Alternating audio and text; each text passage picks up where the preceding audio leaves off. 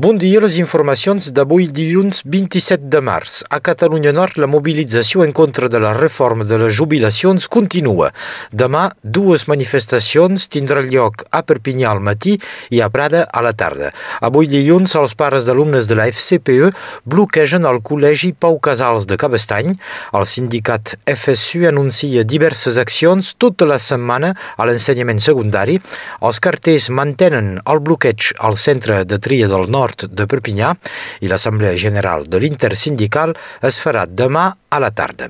Al Conflent, al Vall de Deus, José Montesino és perseguit per violència conjugal.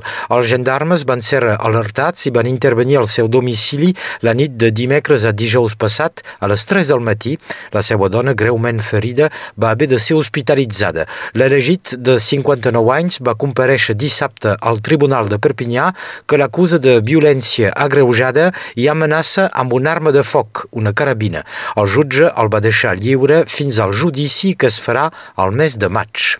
A la Fenolleda, el radar que controla la velocitat del tram de la departamental 117 entre Sant Pau i Maurí aviat serà reemplaçat. L'associació 40 milions d'automobilistes anuncia que l'estat francès reemplaçarà a poc a poc aquests radars que calculen la velocitat mitjana entre dos punts. Són massa poc rendibles, segons l'associació, 5.000 contravencions anuals de mitjana contra 14.000 per un un radar automàtic.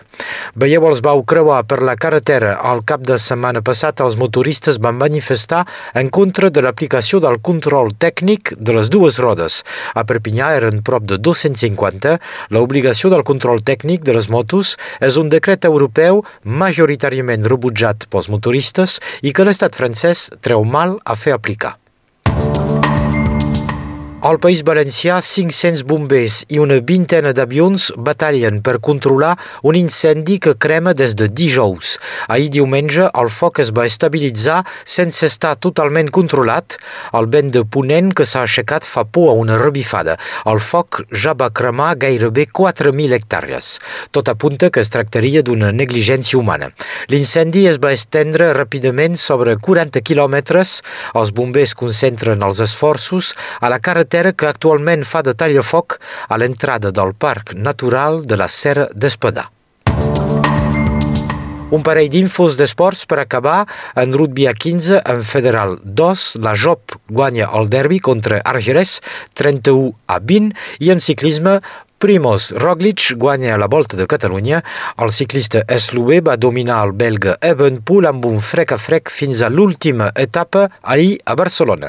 Els dos corredors es tornaran a trobar ben aviat, al mes de maig.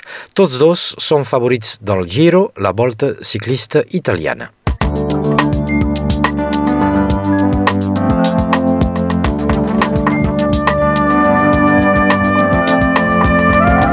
Moltes gràcies, Sebastià. Passem ara a l'informació del temps amb Meritxell Cristòfol.